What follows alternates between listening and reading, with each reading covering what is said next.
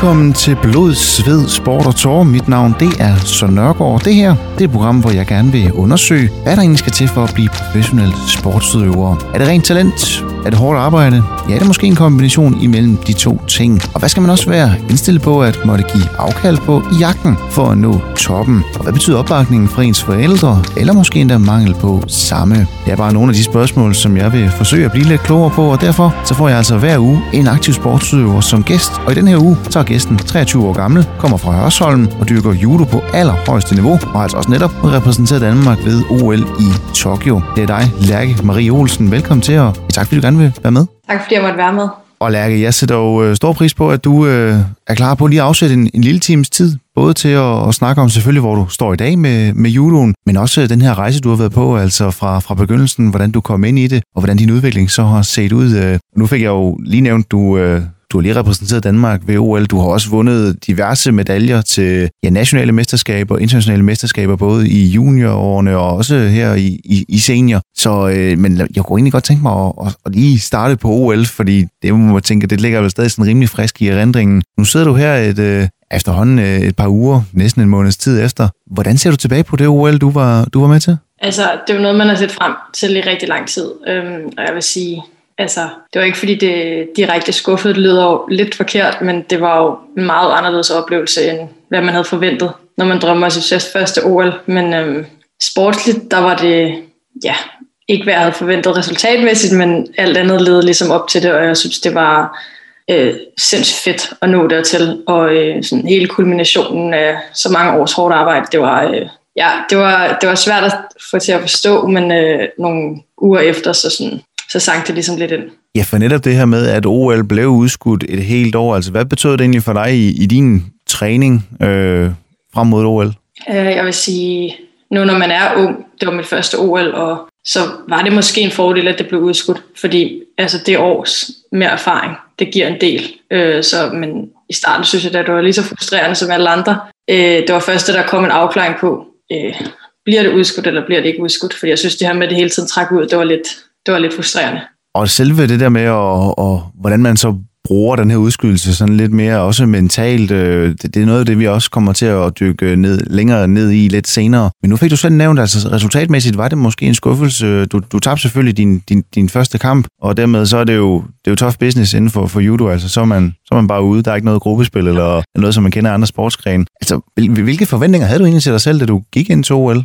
Jeg havde øhm, sat mig for en top 7 placering, men vidste også godt, at at det ville være svært, og at hvis jeg opnåede det, så var det rigtig godt. Øhm, jeg plejer at sige altid at tage en kamp ad gang. Det er sådan lidt altid det, man skal, fordi hvis du ikke kan vinde den første, selv hvis det er en lettere modstander, så hvis du tænker alt for meget på næste, så ja, ja så vinder du ikke første. Øhm, og så var det jo, jeg havde tabt til hende før, så det var sådan, det var lidt, øh, det var ikke øh, super fedt at skulle møde hende, men øh, det var ikke, øh, det gik bedre end forventet, vil jeg så sige.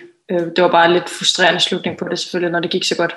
Ja, fordi selvfølgelig, så, så som siger, det gik ikke resultatmæssigt, som du havde håbet og drømt om, men, men hvad for erfaring kan du lige tage, tage med videre nu her, øh, ja, de næste turneringer, der så, der så kommer, øh, både altså, selvfølgelig den kamp, men også hele det her med at være til så stort et, et setup, som UL jo er?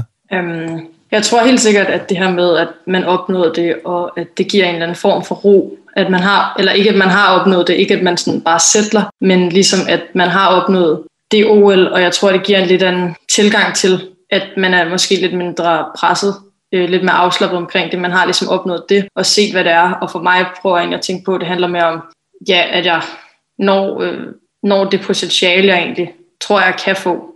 Og så om det så en dag bliver en OL-deltagelse til, eller en OL-medalje, eller noget deropad, det må sådan tiden vise, så længe alt imellem er jo også, ja, altså, alt imellem er jo også kæmpe resultater, man kan opnå. Så sådan, i stedet for at tænke så meget på det her med, det er jo let nok at sige bagspejlet, når man tænker på, men sådan at tænke så meget på kun bare det her om at opnå det, så mere sådan processen og hvor meget du, ja, hvor meget du kan opnå i de år op til.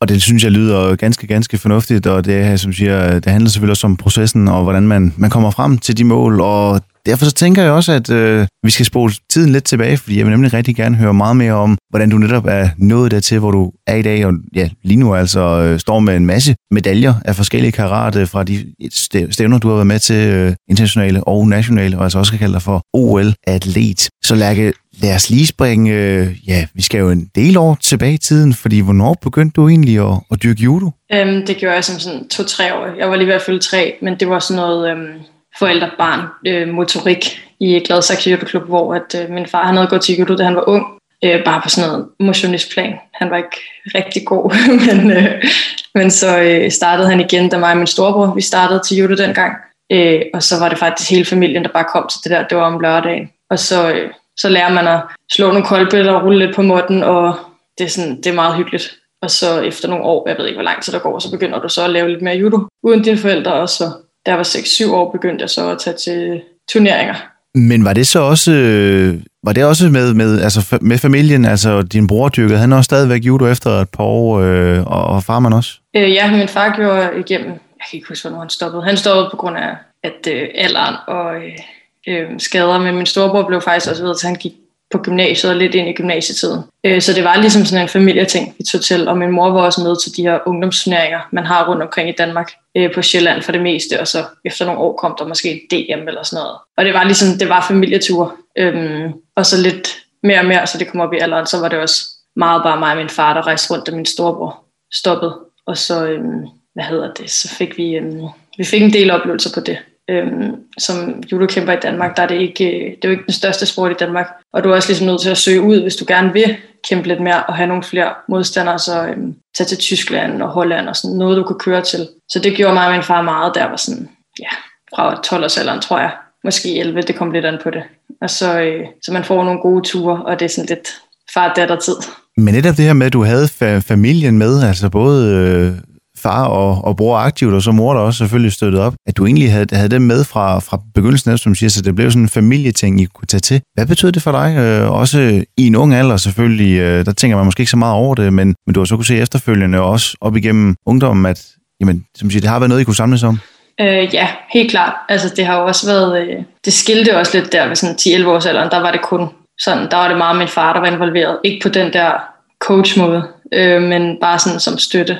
Øh, så sådan, når jeg kigger tilbage på det, så er jeg enormt glad for, øhm, for den støtte fra dem alle sammen, men også det forhold, det gav mig til min far, fordi vi rejste så meget alene. Øhm, og det var jo, ja, det har jo skabt nogle vildt gode minder. Og jeg ved også, at jeg, jeg elskede, at, jeg elskede sådan at bare skulle køre i 8 timer med ham, og at vi spiste på øh, den samme restaurant, hvis der var den restaurant i byen, og alt sådan noget. Så det var nogle rigtig gode minder. Vi havde ligesom vores rutiner, så det var rigtig fedt. Men betød det også, at der igennem din ungdom blev talt rigtig meget judo hjemme øh, hos, øh, hos, øh, hos din familie, eller var I også meget sådan, når, når vi ikke er, er i judohallen, så, så, så, så skal vi også snakke om noget andet? Jeg tror, at det, det er der lidt forskellige holdninger om. Altså, øh, jeg tror, at jeg synes også, at vi snakker om noget andet, men jeg tror, at der blev snakket meget om judo. Og det var også det, det lidt gik over til, det bare blev min far og jeg.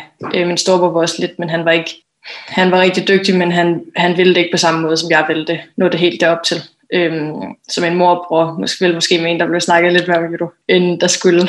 Øh, men jeg tror bare, for mig var det ikke noget, det var ikke noget, eller for mig og min far var det ikke noget problem, at det blev snakket om. Så øh, øh, fordi det var også bare lige så meget sjove oplevelser og historier og alt muligt. Det var ikke sådan, vi har næsten aldrig snakket om sådan selve kampene, eller hvad man skulle gøre bedre, fordi at hans viden var altså den var begrænset, og det sagde han også selv, at det ville han helst ikke være involveret i. Det er selvfølgelig svært i de unge år, fordi hvis man rejser i judo, der bliver du nødt til i den alder lidt at rejse rundt, og så bliver det jo enten med en klubtræner, hvis de så ikke kan, så tager du afsted med dine forældre, så de bliver jo lidt involveret, men du står, du står alene på måtten selv, når du er i den alder, øh, og ikke har en klubtræner med, så sådan, det gør dig også ret selvstændig i forhold til det, fordi så meget kunne han ikke hjælpe mig. Nej, og, og, og selvom det er også noget, jeg gerne vil snakke mere om lidt senere, altså det her med at, at tage ud, men hvad, hvad gav det dig også, at du netop, som du siger, det er jo kun dig på modden, så, så hvad gav det dig også i så unge en alder netop, og, og det der med at have følelsen af at stå alene og skulle selv træffe de her beslutninger? Øhm, altså jeg tror, det, det giver rigtig meget, øh, og det gjorde det også. Øhm, det er jo en individuel sport, og det er virkelig, øh, ja, at øh, et sekund kan afgøre hele kampen, og så er du ude. Det er selvfølgelig lidt, øh, det er ikke så... Øh, ubomhjertigt et system for børn, at de har flere chancer, heldigvis. Øh, men det kan gå ret stærkt, og jeg øh, rejste også øh, i en relativt tidlig alder, tog jeg sådan nogle uger til nogle gange til Tyskland eller sådan noget, eller måske besøgte en ven for bare at få en uges træning øh, et andet sted, men jeg vil indrømme, at jeg ikke altid synes, det var lige sjovt at være helt alene dernede, selvom man kendte nogen, når folk taler et andet sprog, og de ikke er lige så, lige så villige som danskere til at snakke engelsk. Så jeg vil også sige, at det var ikke altid sjovt, men jeg tror, det har givet mig en del. Og det virker også som om, at du i en meget, meget tidlig alder har haft det mindset om, at du vil, du vil gøre rigtig meget for at hele tiden udvikle dig og, og blive bedre. Jo, øh, helt klart. Altså jeg tror også, at det var, øh, der var også fuld opbakning fra specielt min far, men også min mor selvfølgelig, øhm, til at jeg gjorde de her ting. Også fordi de nok har tænkt, det, det er jo, om det så er judo, det ender med, men det giver jo en også meget, at man i en tidlig alder selv har rejst ja, alene ned. Selvfølgelig har jeg boet ved nogen eller sådan noget, men har været der alene. Det, jeg synes, det har givet mig meget øh, senere hen i livet. Og man har lært at stå på egen ben ret tidligt. Så jeg tror også, at det er derfor, der har været så stor opbakning omkring det. Og det er jo dejligt at høre, at øh, familien selvfølgelig bakker op og har gjort det øh, fra begyndelsen, men, men jeg vil godt tænke mig lige at, at tage lidt tilbage til, altså øh, nu siger du selv, du startede i Gladsaxe dengang. Øh, ja. Hvad, hvad, hvad, for dem, der ikke lige er så meget, som siger, judo er en lille sport i Danmark, øh, så dem, der ikke er så meget inde i judo-miljøet, hvad, er det for et miljø at, at komme ind i? Altså, jeg tænkte måske ikke så meget over det, der var, øhm, der var ung, men det er jo en lille judo-familie, vil jeg sige. Øh, når det er en mindre sport i landet, så er det sådan, alle kender alle. Øh, jeg synes, det er et rigtig, sådan, det er et rigtig hyggeligt miljø øh, at komme ind i. Og øh, ja, altså jeg har næsten kun været i det miljø. Jeg har svømmet lidt ved siden af, men det, det trak bare mere i mig. Øh, at man også ligesom det her med, det er jo ikke noget, jeg tænkte over, da jeg var barn, men det her med, at man altid på træningslejr, eller hvis man besøgte en anden klub, altså man trænede jo med sine konkurrenter. Øhm, og man bruger jo ligesom hinanden. Det er ikke sådan, ja, at man bare kun er konkurrenter, man er også venner, og man, selvom man skal slås mod hinanden på måtten, så bag måtten, så er du altså stadigvæk venner, og har det ret godt sammen. Så, så jeg tror, det er lidt det, der gør sådan, sporten lidt speciel, det er, at man også i dag, når vi er inden OL, der står vi og er på en træningslejr, hvor der er været 40 nationer, og altså, der er flere, der skal til OL, og man kæmper stadigvæk en gang imellem mod dem, der også skal til OL i sin egen vægtklasse.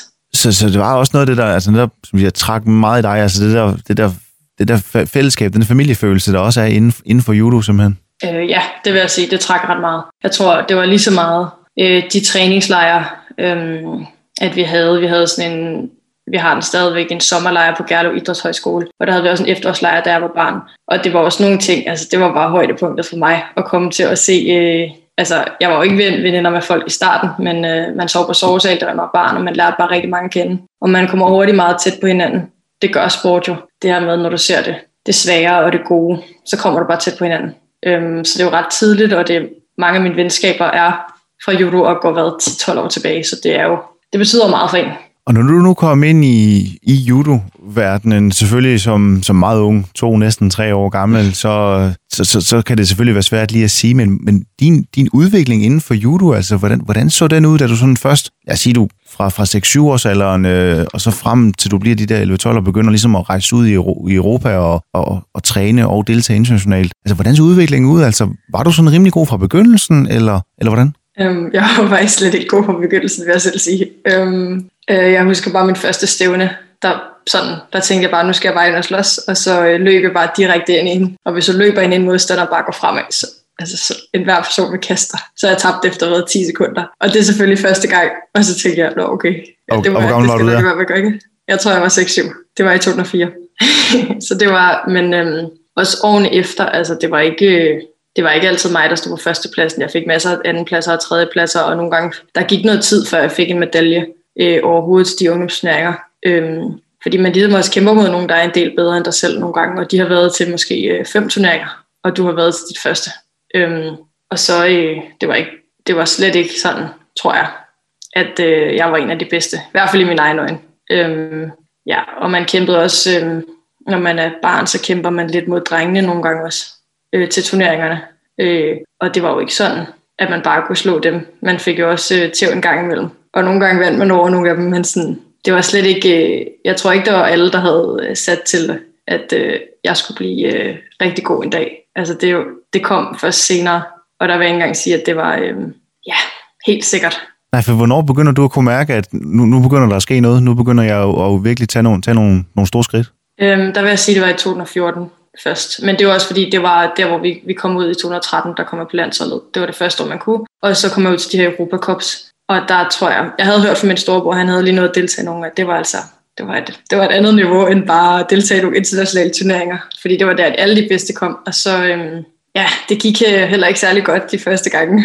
Øhm, og så, så lidt i slut 13, der begyndte jeg at vinde nogle andre internationale turneringer, hvor jeg kunne virkelig mærke, at det, der var en forskel. Og så i 14, der tog jeg min første medalje, og så nogle få uger efter tog jeg en medalje til endnu et, hvor det ligesom var, det var et af de sværeste, eller det var det sværeste Europacup øh, for U18. Så sådan, jeg tror, det var der, hvor jeg tænkte, okay, jeg kan godt være med på det hele. Så sådan, men der var jeg også været 16, ja. Så sådan, det er jo først i den alder, hvor jeg tænker, okay, det kan blive sådan noget, når man tager to medaljer i streg, så er det stabilt. Ja, så det er jo alligevel mange år, du har, du har dyrket judo, hvor resultaterne ikke rigtig har været der, men, men du er alligevel blevet ved. Hvordan det kan være, det snakker vi videre om lige efter et kort stykke musik. Do, do.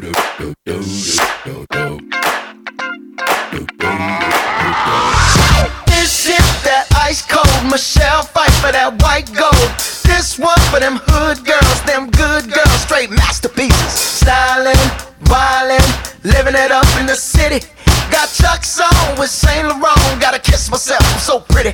I'm too hot. Call the police and the fireman. I'm too hot. Make a dragon wanna retire, man. I'm too hot.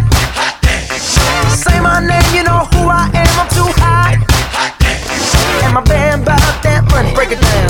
Girls hit you, hallelujah. Girls hit you, hallelujah. Girls hit you, hallelujah. Cause Uptown Funk don't give it to you. Cause Uptown Funk don't give it to you. Cause Uptown Funk don't give it to you. Saturday night and we in the spot. Don't believe me, just watch.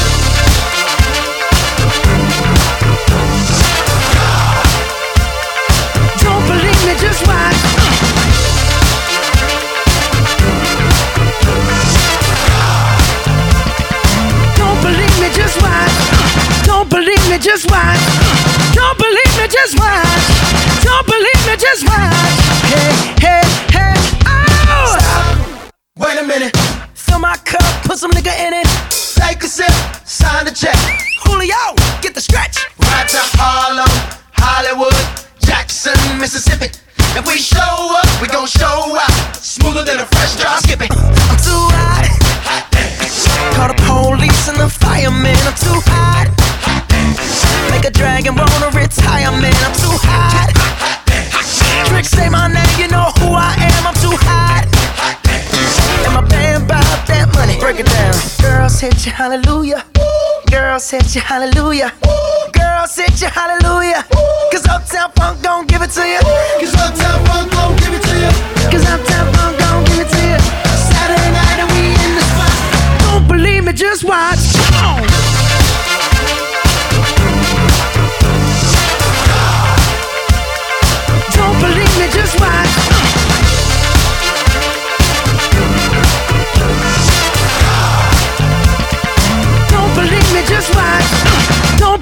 Just watch.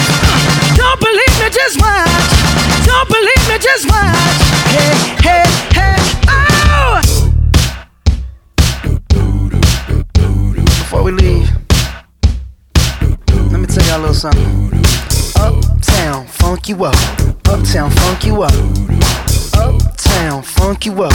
Uptown, funk you up. Come on, dance, jump on it. If you said and flown it, if you freak dead and own it, don't brag about it. Come show me. Come on, dance, jump on it. If you said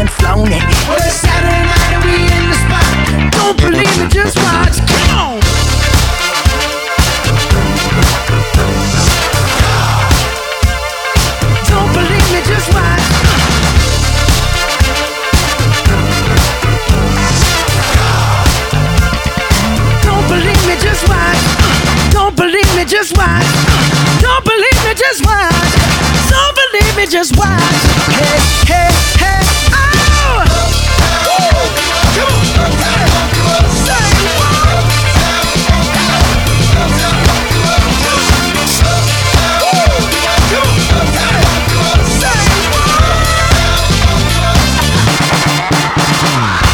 dagens udsendelse af Blodsved Sport og Tor har jeg øh, fortsat besøg af øh, judokæmper Lærke Marie Olsen. Og Lærke, nu har vi snakket lidt om din vej ind i, øh, i judoen, som startede ja, allerede to år gammel, meget, meget tidligt. Og hvordan du så også får forklaret, at øh, god var du måske ikke, men udviklingen den har derimod set, øh, set rigtig god ud. I hvert fald øh, er du jo i dag OL-atlet, har netop repræsenteret Danmark ved OL i Tokyo, og du har også vundet et hav af forskellige medaljer til nationale og internationale øh, stævner. Men du får også lige før sagt, det var egentlig først, da du blev de der 16, at du sådan begyndte at vinde de første stævner, altså lå med i toppen. Men du sagde jo allerede før, at du rejste jo allerede ud i en alder af, af 10-11 år til Tyskland og sådan noget. Altså, var, var det stadig sådan lidt på, man kan sige, altså for sjov, at du, du stadig dyrkede judo, når nu resultaterne ikke var der? Altså, hvad gjorde, at du blev ved med at og alligevel møde op til, til træning og tænke, jamen, det, det, det skal jeg da bare gøre det her?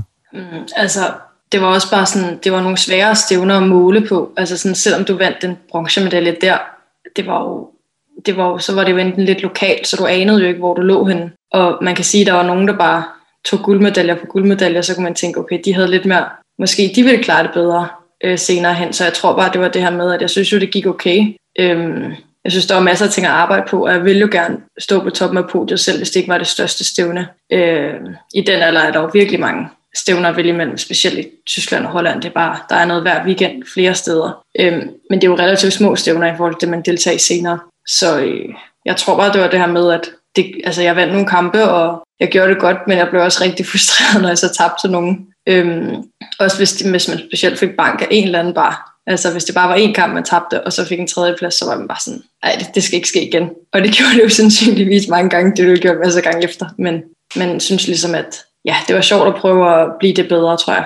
Men lad mig så spørge ind til selve din træning. Nu fik du selv sagt, at der var meget, du kunne, du kunne blive bedre til, meget du kunne træne på. Hvordan træner du inden for, for judo? Øh, og igen, nu tænker vi, tager vi udgangspunkt i, i de unge år. Altså, hvad, hvad, når du mødte op til træning, hvad var, laver man sådan noget all-round træning, eller er der en dag, hvor man har specifik fokus på, øh, når man er nede på, på gulvet, eller hvordan man laver et godt kast, eller ja, hvordan træner man, øh, hvordan træner man judo? Øhm, ja, altså i den unge alder, der tror jeg, det er meget sådan det hele, der kommer ind over en træning, fordi det er også begrænset. Nogle træner måske to gange om ugen, andre træner måske fire, det måske, det kommer an på, hvor gammel du er, men altså, øhm, så der skal man ligesom ramme det der all around.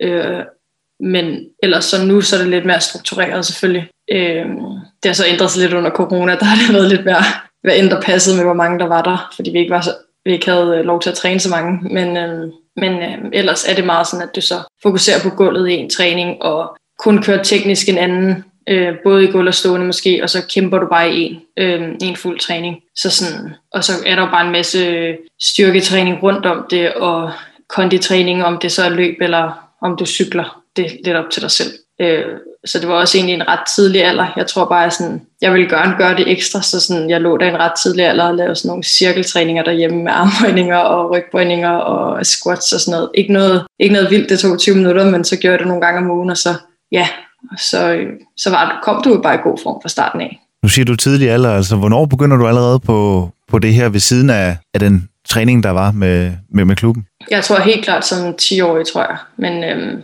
jeg tror ikke, det var før. Det er lidt svært at erindre. Jeg ved i hvert fald, at da jeg gik i 3. klasse, der, øh, der kan jeg huske, der var en pige i Gladsaxe, som var kommet på landsholdet. Og før det tror jeg ikke lige havde skænket det der med landsholdet en tanke. Altså, øhm, og så da hun kom på det, så var jeg sådan, Åh, det kan man selvfølgelig også, den her sport. Og så synes jeg, at det, det vil jeg gerne opnå. Altså op til hende, og synes, det kunne være rigtig fedt selv at opnå. Og, og hvad, hvad, hvad sagde dine forældre til, til, at du lige pludselig ligger derhjemme og, og kører noget cirkeltræning og i, i så unge en alder? Altså, fordi man skal vel også huske at, at nyde ungdom og slappe lidt af ved siden af?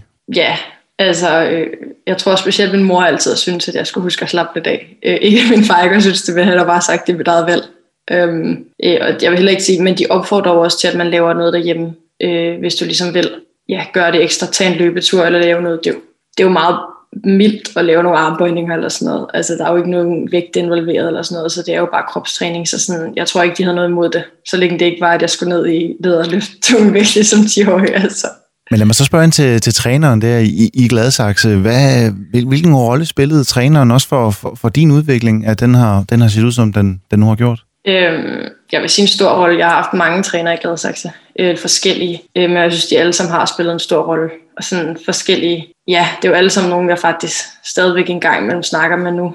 Øh, og så, øh, så da jeg sådan blev lidt ældre og blev 12, så begyndte jeg at træne lidt. I Judo Danmark er det sådan, at så længe du melder ind i en klub, så er det fint nok lige at krydstræne lidt, fordi man bliver også nødt til at, hvis du vil have flere træninger, kan en klub ikke sørge for, at du har fem træninger om ugen så du bliver nødt til at træne i en anden klub, også for at have nogle andre partnere. Så sådan, jeg trænede i Hillerød en del, fordi det var jo lige så langt væk, som øh, Gladsaxe var. Så, sådan, så jeg vil sige, det er bare begge klubber, der ligesom har, øh, og alle træneren der, der ligesom har øh, ja, taget mig hele vejen op, øh, har bidraget på hver deres måde på det tidspunkt, eller på der, hvor jeg var i livet på det tidspunkt, så har de hjulpet der.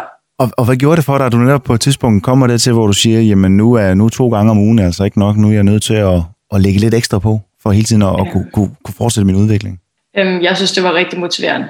Øhm, fordi jeg synes jo, at, øh, ja, at enten så blev det for meget det samme det ene sted, eller så øh, det var for meget det samme partner, og så øh, synes jeg, at det var meget motiverende at komme et andet sted, øh, hvor de havde nogle andre trænere, det gjorde det lidt anderledes der.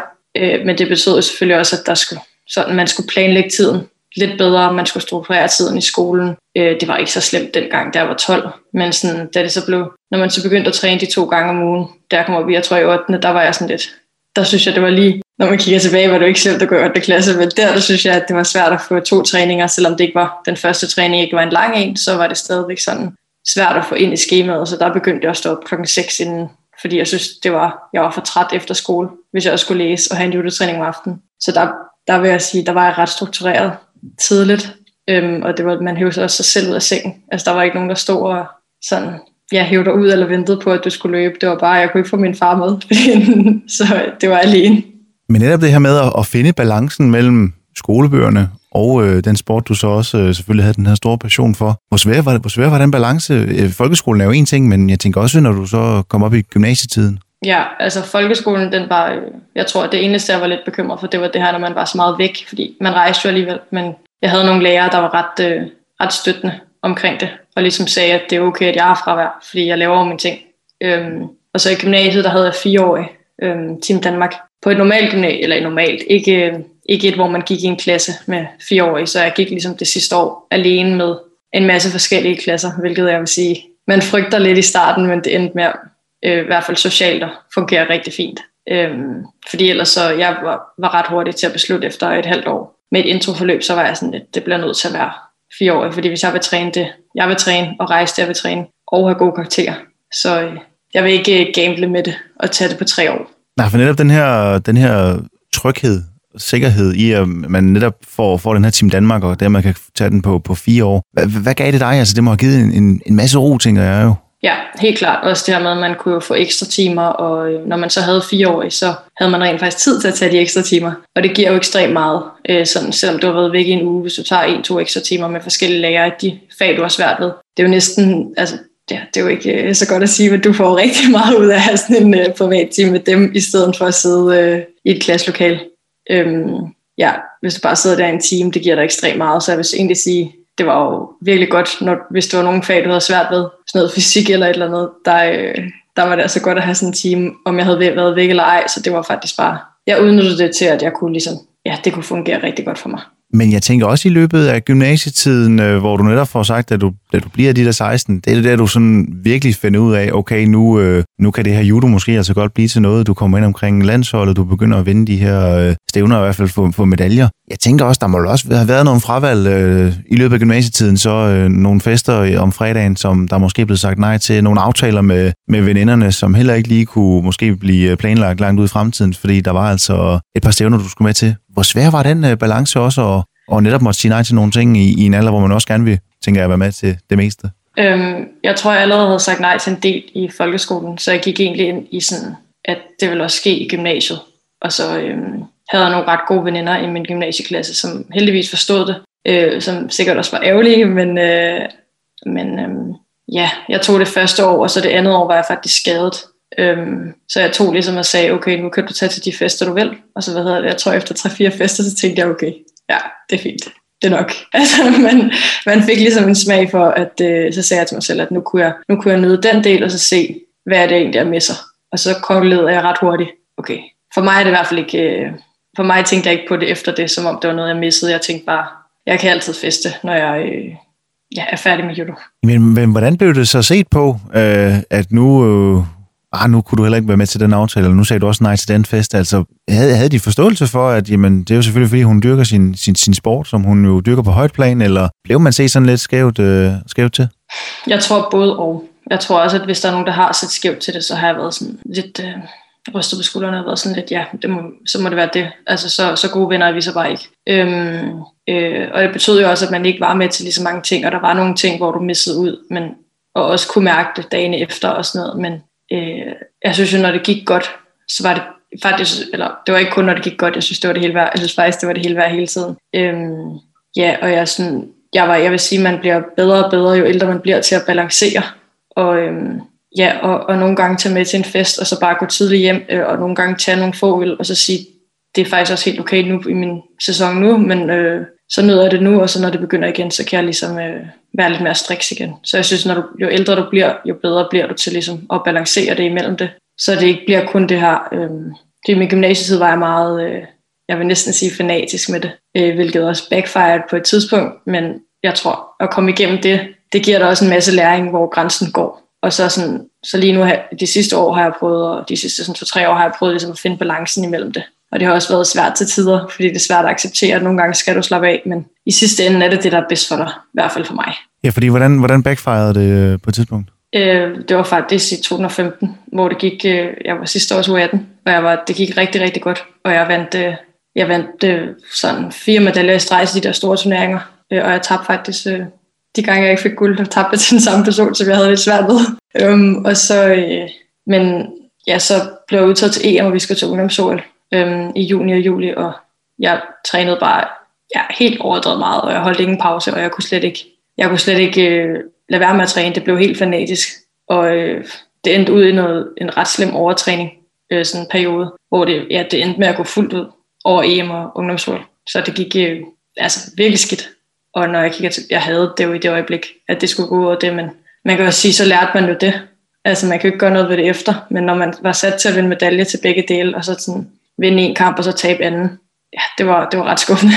Ja, det tænker jeg, det er, som siger, det er jo nogle af de øh, dyre lærepenge, der jo også er, som, som siger, man kan ikke gøre det op, men man kan jo kun øh, få den erfaring med, og så øh, forsøge at gøre det lidt anderledes næste gang. Lærke, nu har du snakket om også, øh, at de her 16, det er der, du også begynder at snuse til det her landshold, øh, og den, den del kunne jeg godt tænke mig at vende lige på den anden side af et lille stykke musik.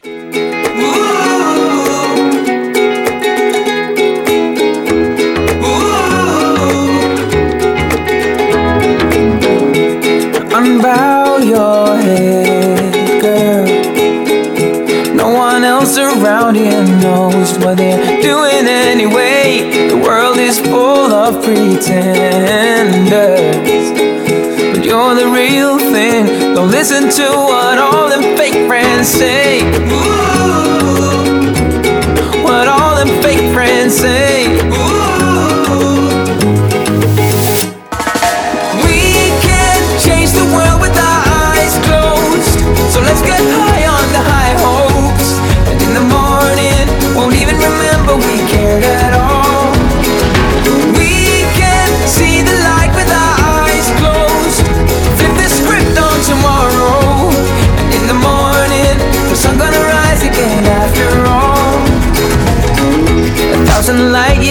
into paradise. So much easier the other way, falling off a cloud. Smoking leaves they won't legitimize. Thought it was serious, the burning trees. We got no troubles now. Ooh. We got no troubles now.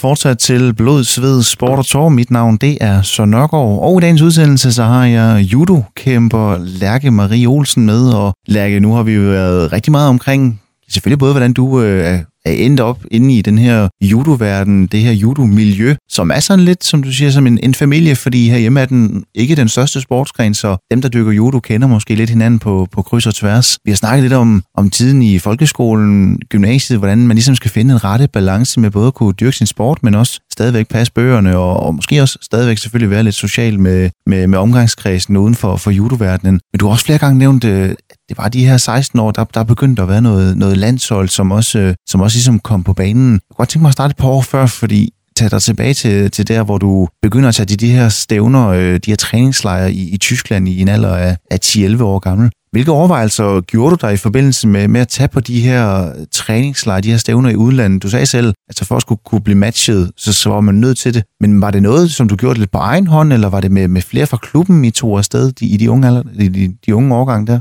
Øhm, altså stævnerne var hovedsageligt med, med min far. Øh, der var også nogle klub, øh, klubting og sådan noget, øh, hvor en del klubber deltog, men jeg synes, at vi tog til en del ekstra stævner. Også fordi man kunne mærke det her med, at, øh, at når judo er så småt herhjemme, så kunne man nogle gange føle, at når du lige rykkede op i en aldersgruppe eller sådan noget, der kunne du godt mærke, at du var måske lidt bagud. Ikke bagud, men sådan, ikke at man skal indhente noget, men jeg har altid tænkt, at man skal arbejde lige det ekstra hårdere i en, øh, øh, i sådan en sport som judo. Og det tror jeg også mange andre, hvor sparringspartnerne er vigtige. Hvis sporten så er lille i Danmark, så, så skal du gøre det ekstra selv for at komme ud. Ellers så, øh, og måske er du så stadigvæk lidt bagud, fordi at i Frankrig for eksempel, der står der bare legnet op øh, 50 piger øh, på virkelig højt niveau til en træning.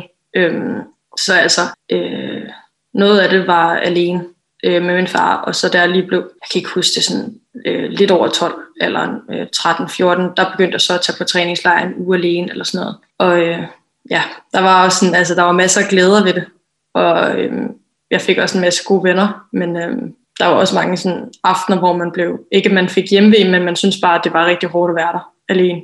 Så, øh, og der var, jeg gjorde det et par gange, selvom jeg ikke rigtig havde lyst, fordi jeg synes, at hver gang jeg kom hjem, så gav det mig rigtig meget. Men, øh, men sådan, der var også på et tidspunkt, hvor jeg nåede dertil, okay, nu, nu synes jeg ikke, at øh, det er sjovt nok længere til, at øh, jeg ved det, og der kom, begyndte at komme flere og flere træningslejre øh, igennem landsholdet. Øh, I det, man blev ældre, så, ja, så fik du adgang til mere, og så, øh, så supplerede det ligesom. Ja, for lad os, så, lad os så lige springe over til netop landsholdet. Hvornår begynder det at, at komme på tale? Er det, hvornår, ja, hvornår henvender de sig og tænker, Lærke, dig kunne vi egentlig godt tænke at få, ja, få, i, få, få ind i vores stald og, og arbejde lidt med dig? Øh, ja, jeg kunne faktisk først komme på landsholdet i 2013, fordi der gik man ind over de regler, som øh, ja, internationalt øh, omkring alder i U18. Øh, men øh, vores daværende landstræner lavede egentlig sådan, at han valgte nogle af os, der var lige overgang under i 212, og så øh, sagde, øh, ikke at han, men han gav os ligesom sådan, at vi var, ja, en, det ved jeg ikke, hvad man kan, hvad man kan kalde, at øh, han vidste godt, at øh, gav os noget anerkendelse, og sagde i den her gruppe, øh, så det på en eller anden måde gav lidt blod på tanden. Selvom vi ikke kunne deltage i de helt ting, store ting, fordi vi ikke var gamle nok, så fik man alligevel noget anerkendelse. Øhm, og fik at vide, at øh, du gør det rigtig godt. Så øh, det synes jeg egentlig var meget, man kan kalde det en boble eller sådan noget. Det kaldte de det på et tidspunkt bobler eller et eller andet. Øh, men det ord gik lidt væk. Så, øh, så man fik ligesom noget anerkendelse at vidste, okay, du er på rette spor, du gør det rigtigt. Øh, fordi jeg tror, at som barn, der ligger du, øh, du ligger ret meget væk på, hvad landstræneren tænker om dig. Øh, hvilket er sådan noget som nu, der er bare sådan, altså ikke at jeg er ligeglad, men det, det handler jo om, hvad jeg gør rigtigt og hvad jeg arbejder på.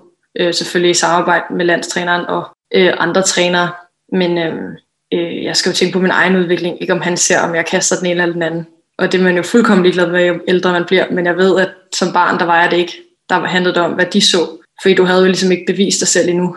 Så øh, der var det rigtig vigtigt, hvad de så bare til træninger, hvor man jo ældre man bliver, så er det ligesom fuldkommen ligegyldigt, om du bliver kastet til træning eller ej.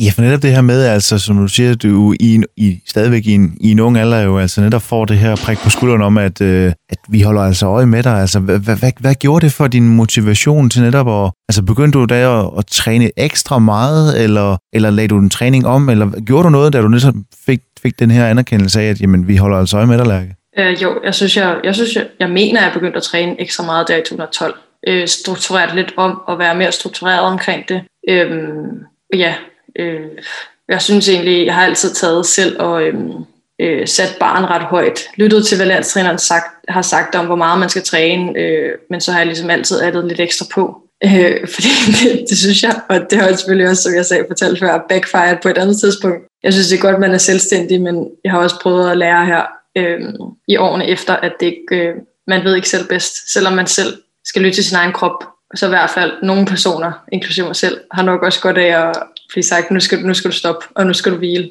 Og fordi det er helt klart det, jeg er dårligst til. Øhm, og det er jo lige så vigtigt at restituere, som det er at træne. Så øhm, det er noget, man lærer. Nogle lærer med årene, andre de kan det måske naturligt.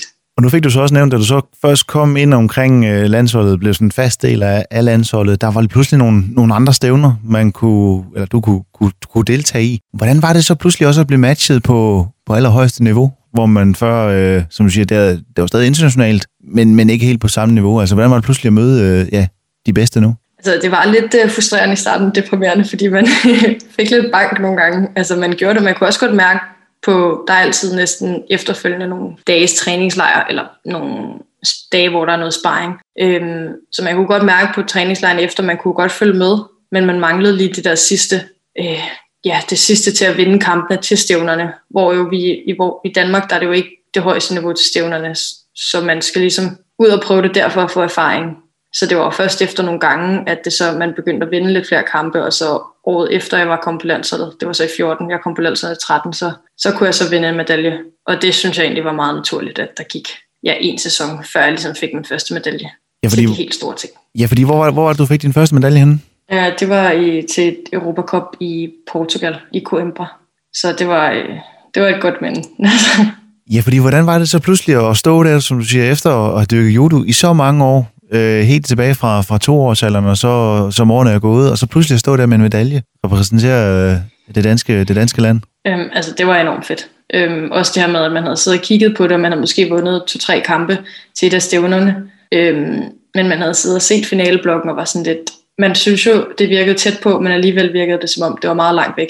Så øhm, det var fedt bare at opnå. Øhm, at komme på podiet, og så at jeg så... Øh, jeg var meget nervøs for, om jeg kunne gøre det igen. Og de, selv de Europacups, de varierer øh, ret meget i styrke. Øh, nogle er bare øh, mere besat end andre. Øh, bare tradition. Og så, øh, at jeg så, jeg tror det var tre år efter, kunne vinde en til en af de sværeste. Det var jo så bare, ja, øh, ja det var øh, prikken Altså, det var helt fantastisk, synes jeg. Så øh, det var jeg virkelig glad for. Det vil jeg nok sige, den medalje, jeg mest sådan tænker på som et gennembrud. Selvom den første egentlig kom. Den anden kom først. Ja, fordi hvorfor, hvorfor var det netop den her de tre år senere, der ligesom, som siger, var, var gennembruddet, øh, og det der ligesom slog, slog døren op for dig?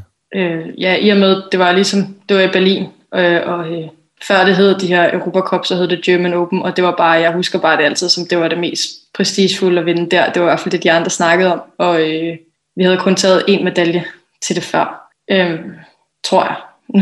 og så, øh, så det var rigtig stort at, øh, stort at tage en medalje der, og det var også øh, nogle ret svære modstandere, jeg vandt over. Øh, kontra i judo er det jo sådan lidt, nogle gange er der en god, der bliver slået ud af, du tænker er mindre dårlig. Så sådan der synes jeg, det var, der var bare gode, mange gode på stribe, og det var en russer, jeg vandt over i bronzekampen, og det var sådan lidt, at slå en russer, altså sådan en af de russer, der blev udtaget til der, det, det var super fedt.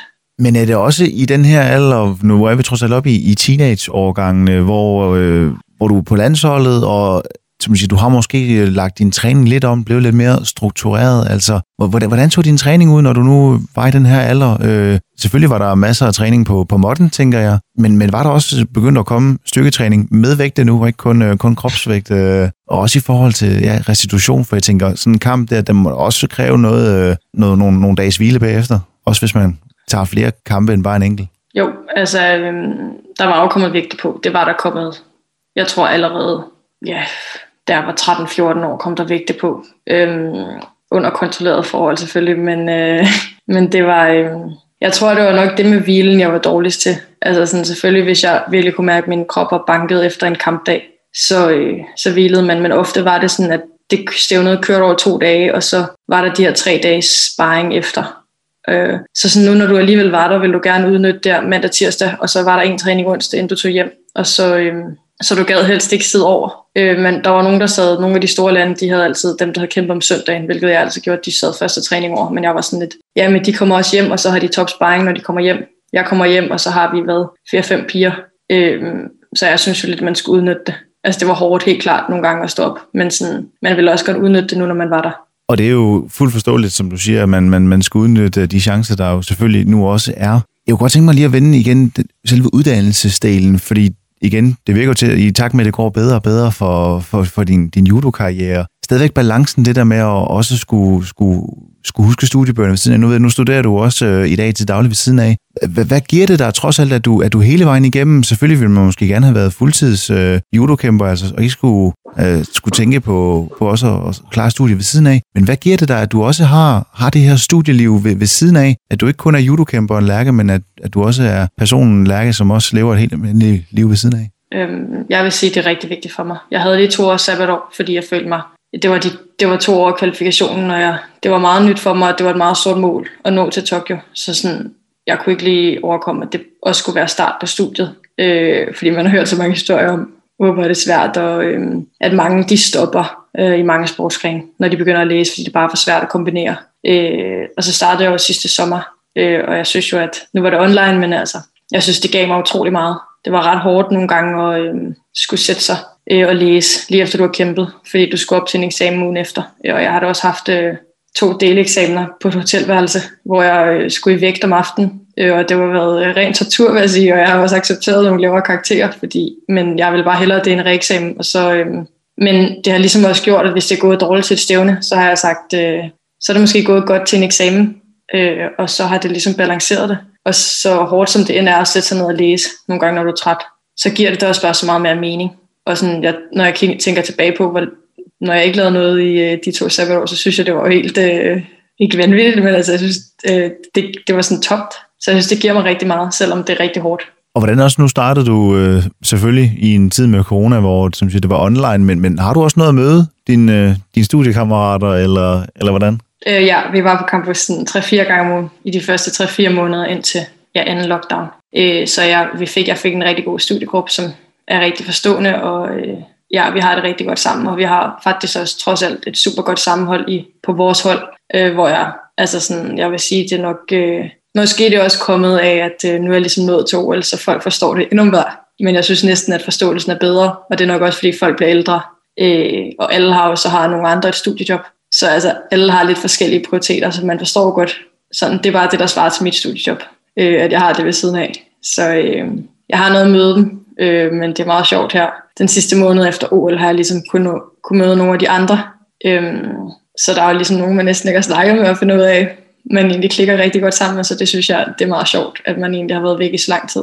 Øh, men øh, helt klart, det har været, øh, vi havde nogle måneder, som man nåede at lære hinanden at kende. Men jeg var jo ret begrænset. Vi blev testet hver, som alle andre, hele tiden til stævnerne, så jeg måtte også ligesom sige, at for det meste måtte det foregå over Zoom for mig, hvis de ville mødes i studiegruppen. Fordi det var lidt en stor risiko at rejse, og ende i to års hotelkarantæne, men også miste et stævne. Så dejligt, at man netop har, har haft som siger, en studiegruppe, der også har været forstående for, at uh, det er ikke fordi, jeg ikke vil mødes med jer, men som siger, det bliver lige over Zoom, fordi der er altså lige uh, et vigtigt stævne, ja. der ligger og venter. Ja, altså helt klart. Det har jo været øh, virkelig øh, af stor betydning. Der var også nogle gange, hvor på CBS kørte i mange gruppeeksamener også, så mange andre steder. Så der var nogle gange, hvor jeg blev nødt til at sige, okay, ja, så må vi lufte godt ud, og så må vi gøre det. Og det gjorde mig da også nervøs op til, fordi man vil ikke have, at det lige er øh, specielt i øh, slutningen af sæsonen, hvor det betød allermest, siger du. Men øh, det gik jo heldigvis, og øh, men jeg vil sige, det har også været en ret stor faktor, det her corona i år. Øh, også som atlet, det her med at blive, ikke kun at blive syg, men også bare at teste positiv.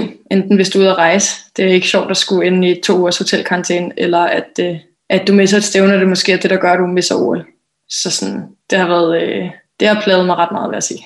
Men Lærke, du kom heldigvis til OL, og det lyder jo til, at det, det går rigtig godt, men du har også fået nævnt flere gange nu, du har haft nogle skader undervejs. Den del kunne jeg også godt tænke mig at vende lige efter et kort stykke musik. She played the fiddle in an Irish band, but she fell in love with an Englishman. Kissed her on the neck and then I took her by the hands. And baby, I just wanna dance. I met her on Grafton Street, right side of the bar. She shared a cigarette with me while her brother played the guitar. She asked me, What does it mean? The Gaelic ink on your arm said it was one of my friend's songs. Do you wanna drink on? She took Jamie as a chaser, Jack for the fun. She got Arthur on the table with Johnny riding a shotgun.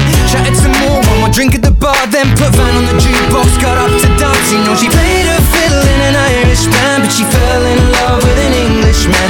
Kissed her on the neck and then I took her by the hands and baby, I just wanna dance with my pretty little Galway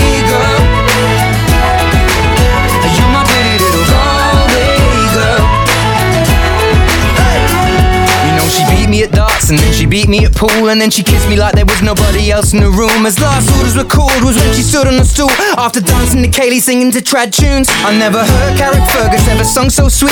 A cappella in the bar using her feet for a beat. Oh, I could have that voice playing on repeat for a week. And in this packed out room, swear she was singing to me. You know she played her fiddle in an Irish band, but she fell in love with an Englishman.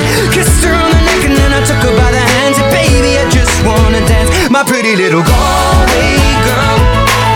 My, my, my, my, my, my,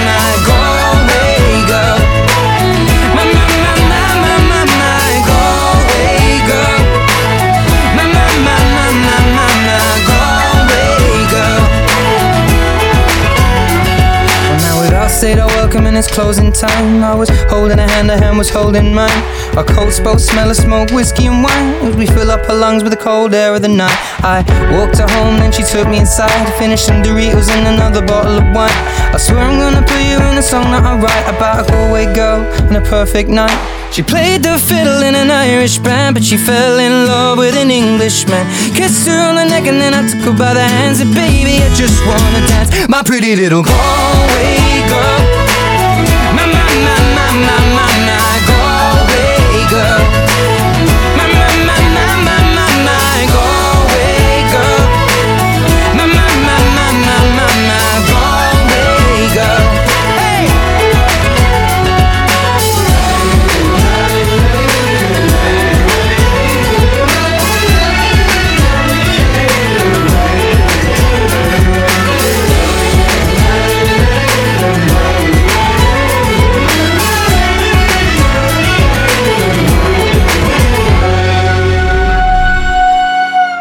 Lytter fortsat til Blod, Sved, Sport og Tår. Mit navn det er Søren Nørgaard. I dag så har jeg judokæmper Lærke Marie Olsen med. Og Lærke, vi har efterhånden været ja, nærmest hele vejen igennem fra begyndelsen tilbage i en alder af to, næsten tre år, og så frem til i dag. Hvilke, selvfølgelig hvilke, hvilke overvejelser, hvilke fravalg du har måttet lave undervejs øh, for netop også at have plads til judoen. Jeg tænker særligt på, på selvfølgelig skoletiden, hvor man, man ikke altid lige har kunne, kunne nå det hele, fordi der var altså måske et vigtigt stævne i, øh, i weekenden. Du har været til internationale stævner, du kom ind omkring landsholdet, du har netop lige repræsenteret Danmark til OL. Du har også fornævnt, at der undervejs har været nogle skader. Kan du lige sætte lidt flere ord på de her skader? Altså, hvad, hvad for karakter har det været, og, og hvordan, har du, hvordan har du taklet at, at få de her skader?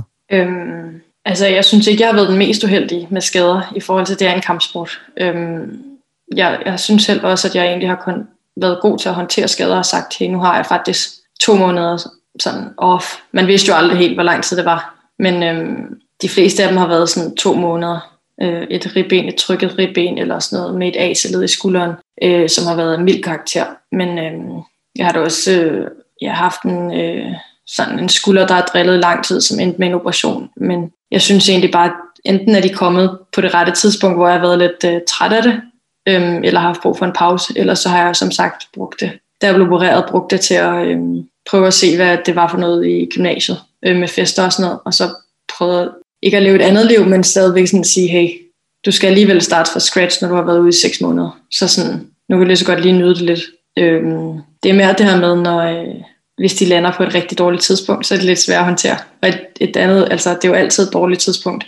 Øh, så ja, jeg fik jo en skade i april, øh, som jo overhovedet ikke var optimalt. Og øh, så er det også i ryggen. Og det, øh, jeg synes næsten, det har været den værste, selvom jeg ikke synes, jeg synes, der er ting, der har gjort mere ondt på en anden måde, men den limiter der også lidt sådan i, i, øhm, ja, i alle mulige andre ting i dagligdagen. Så øh, det vil jeg næsten sige øh, har været den værste, og så var det, kom den selvfølgelig også på det værste tidspunkt øh, overhovedet. Ja, fordi jeg tænker, øh, både de her skader, som du siger, noget tryk ribben, der gør, at man er ude i en måned eller to, øh, og så også den her, hvor du skulder, hvor du bliver opereret ude et halvt år. Altså, det må også kræve noget mentalt, fordi du har alligevel brugt rigtig mange timer på at nå det til, hvor du er i dag, og, og, og du dyrker den jo stadigvæk på rigtig højt niveau, og, og så få de her skader, hvor du er, er ukampdygtig i, i flere måneder. Altså, nu, nu spiller jeg godt nok kun fodbold på, på amatørniveau, men jeg ved, hvis bare jeg skal være ude i 14 dage, altså, så kan jeg jo gå og være sådan helt øh, jeg sur på mig selv, selvom jeg ikke rigtig måske er selv, selvom det kan være selvforskyldt. Flere måneder, det må være en, det må være en helt pinsel, jo, tænker jeg. Øh, ja, jeg tror, det er lidt at vende det der, vende det til noget positivt. Øhm, og der er nogle gange, hvor det også har landet øh, 5-6 uger før et øh, EM, og så man øh, endte med at tage afsted alligevel med lidt øh, smerter og sådan noget, men jeg har egentlig bare haft sådan gode erfaringer med at komme tilbage fra skader. Øh, ja, det har godt været, at det har taget noget tid, specielt med den 6 måneder, altså der var jeg også bare i rigtig dårlig form efter. Og det var bare lige noget, man skulle hive sig selv op fra, hvor jeg sådan, øh, der var jeg bare lidt træt af det hele, og der gad jeg ikke bruge seks måneder på at holde formen. Så sagde jeg, så må jeg bare tage det hårde, når det, når det kommer. Men imens, når man, har, eller, når man så har de to måneder skader, der holder du formen. Så sådan det at komme tilbage, det kan egentlig nogle gange bare være et, øh, et nyt pust, eller sådan, ja, noget, noget godt, at du nogle gange har haft øh, to måneder væk, fordi du kan også på en eller anden måde restart lidt, øh, også i din kampstil. Nogle gange er du inde i nogle dårlige mønstre, du gør, og så lige, også det er en uges ferie, det er jo sådan noget, jeg har lært senere, men det kan nogle gange gøre, øh, ja, gøre videre noget. så, men, men så jeg prøver faktisk bare at se det positivt. Men Lærke, det må jo alligevel kræve noget mentalt, altså for som man siger, både det at skulle, om du så kunne holde form lidt ved lige ved siden af med nogle af skaderne, eller om du netop skal tilbage og starte fra scratch, altså det må alligevel kræve noget mentalt at, at, at trække sig selv op igen, altså hvor, hvor meget fylder den mentale del egentlig for dig i dag, og, og i judo sådan generelt? Øh, den fylder meget, helt klart. Øh, jeg tror, at øh, det er mere det her, øh, det der fylder mest, det her med, om man... Øh, om jeg kan være stolt af mig selv i slutningen af min karriere. Agtigt. Øhm, det her, når jeg er skadet, så det, lige nu synes jeg, at det er mest frustrerende, for jeg vil faktisk bare gerne træne judo nu og nyde det uden presset. Så jeg synes faktisk næsten, det er værre at være skadet lige nu, fordi jeg havde set rigtig meget frem til at have, nu har vores kvalifikation varet tre år i stedet for to, så jeg vil lige bare gerne træne judo, fordi jeg elsker det, og ikke fordi jeg skal tænke på at kvalificere mig, øhm, og ikke tænke på, hvornår næste stævne er bare, når jeg har lyst til at tage til et stævne igen, tage til det, ellers bare træne. Så øhm, ja, nu du siger det selv med fodbold, altså jeg synes også bare, at det er jo et frirum at træne på den måde, så man har ikke det frirum mere. Øhm, men øh, som sagt, så har jeg heller ikke, der er mange venner, jeg ikke har set i lang tid, så sådan, jeg har prøvet at fylde det lidt ud, men jeg kan også mærke at nogle gange, så rammer det, at man, ja, at man godt kan mærke, at det, man vil hellere være til træning med de andre, og nogle gange tager jeg ind og bare kigger på dem og styrketræner ved siden af, men nu når man har fri, vil man også godt have sine aftener fri. Men hvordan arbejder du med det mentale? Øh, jeg har en mentaltræner, så sådan, hende har jeg kendt i en, en god del år. Så sådan, øh, ja, og så prøver jeg faktisk at skrive lidt sådan, øh, ikke dagbog, men journal hver, hver morgen, sådan, med ting, man er, sådan, jeg har sådan en lille bog, jeg udfylder, jeg fandt på nettet, med sådan ting, du er taknemmelig for, hvad du gerne vil opnå i dag, og bare sådan små ting, så det ikke behøver at være noget med. Nogle gange bliver det lidt meget judoorienteret, synes jeg, og resultatorienteret, men øh, det egentlig bare skulle være de små ting, som at du får gjort et eller andet, hvor du bor, eller at du øh, ja, det ved jeg ikke. Altså også hvis du har brug for at huske at slappe af en halv time, at du, øh, eller at øh, jeg laver yoga en halv time, eller sådan nogle, sådan nogle små gode ting, jeg ved, der gør noget godt for mig selv og mit humør. Så jeg arbejder lidt på det via det, og så ellers så øhm, i sådan svære perioder, så skriver jeg lidt dagbog. Faktisk bare for sådan at komme ud med tankerne. Og så synes jeg faktisk, det er meget hyggeligt nogle gange at læse tilbage på. Det giver et eller andet, øhm, okay, du havde det faktisk ret svært der, men øh, det kommer også igennem det, eller der var nogle gode ting, der skete der. Så det synes jeg er ret, ret nice at læse tilbage på. Jamen, det er dejligt at høre, Lærke, at øh, du øh, tager forskellige metoder i brug for netop også at, at være det rigtige sted, også mentalt. Altså, jeg kan høre, at vi kunne snakke øh, videre i, i lang, lang tid nu, men, men tiden er desværre ved at løbe fra os, i hvert fald i den her omgang. Lærke, her til sidst kunne jeg godt tænke mig at, at lige stille dig sidste spørgsmål, og det henvender sig lidt til, til de unge, som i dag måske lige er begyndt, begyndt til judo og, og se op til, til sådan en som dig, som har, har klaret kottet og kom på landsholdet og har repræsenteret Danmark til de diverse internationale stævner og til OL. Og også vundet medaljer for, for, for Danmark og selvfølgelig også for dig selv. Hvad er det bedste råd, du kan give videre til, til unge, som, som lige er trådt op på, på modden og skal til at dyrke noget judo? Ja, det er måske lidt bredt, men at man ja, husker at have det sjovt med det. Øhm, ja, arbejde hårdt, men ikke gå så meget op i, hvad andre tænker, men bare sådan, ja, og man, specielt i judo kommer man til at tabe mange gange, fordi det kan gå så stærkt, men øh, det giver dig også masser af erfaringer. Og ja, tag din sejre. Og så også, øh, judo er en vægtsport, så øh, egentlig ikke bekymre dig så meget om, hvad det, hvad det er, der står på vægten. Du skal nok finde dig til ret i den vægtklasse, du ender i.